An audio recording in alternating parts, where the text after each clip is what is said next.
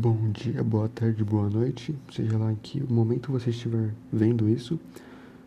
Hoje eu vou gravar um podcast falando sobre se somos realmente consumidores livres. Eu sou o Enzo Costa, aluno do segundo ano B do Colégio Batista de Guarulhos. E vamos lá. Eu queria começar falando sobre o que seria ser um consumidor livre. Você ir a um supermercado ou algum lugar e comprar quantidade de coisa que você quer, pelo preço que você quer, do jeito que você quer, ou as coisas que você saiu de casa querendo comprar? Ou, se for essa pergunta, eu respondo que não. Eu acho que muitos de nós somos apenas induzidos a comprar algo que geralmente não necessitamos. Isso é a palavra consumista. Quando uma pessoa faz isso, ela é uma pessoa consumista, né?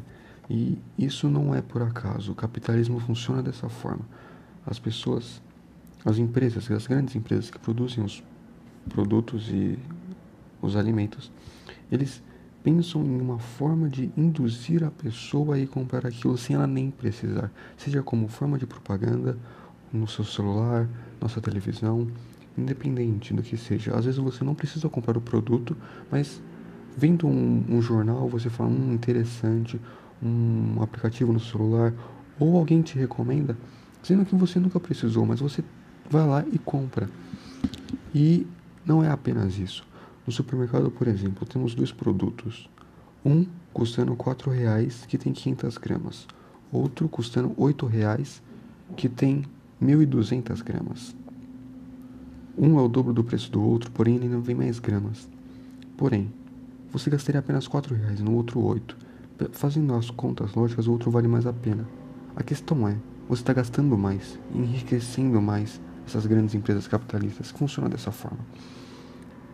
E então eu diria que não. Nós não somos consumidores livres.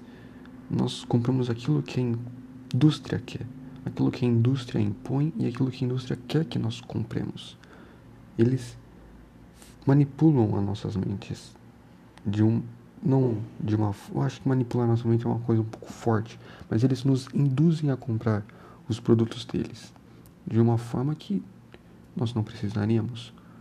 Às vezes você, como eu disse, você está lá no seu sofá de casa, está assistindo sua novela, sua série, sua filme na Netflix, né, por exemplo, e aparece uma propaganda de alguma coisa.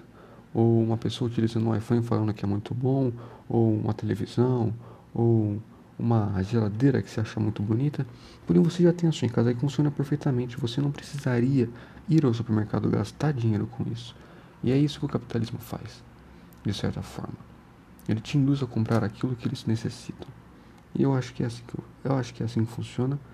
Nós não somos consumidores livres, nós somos apenas escravos desse meio onde vivemos.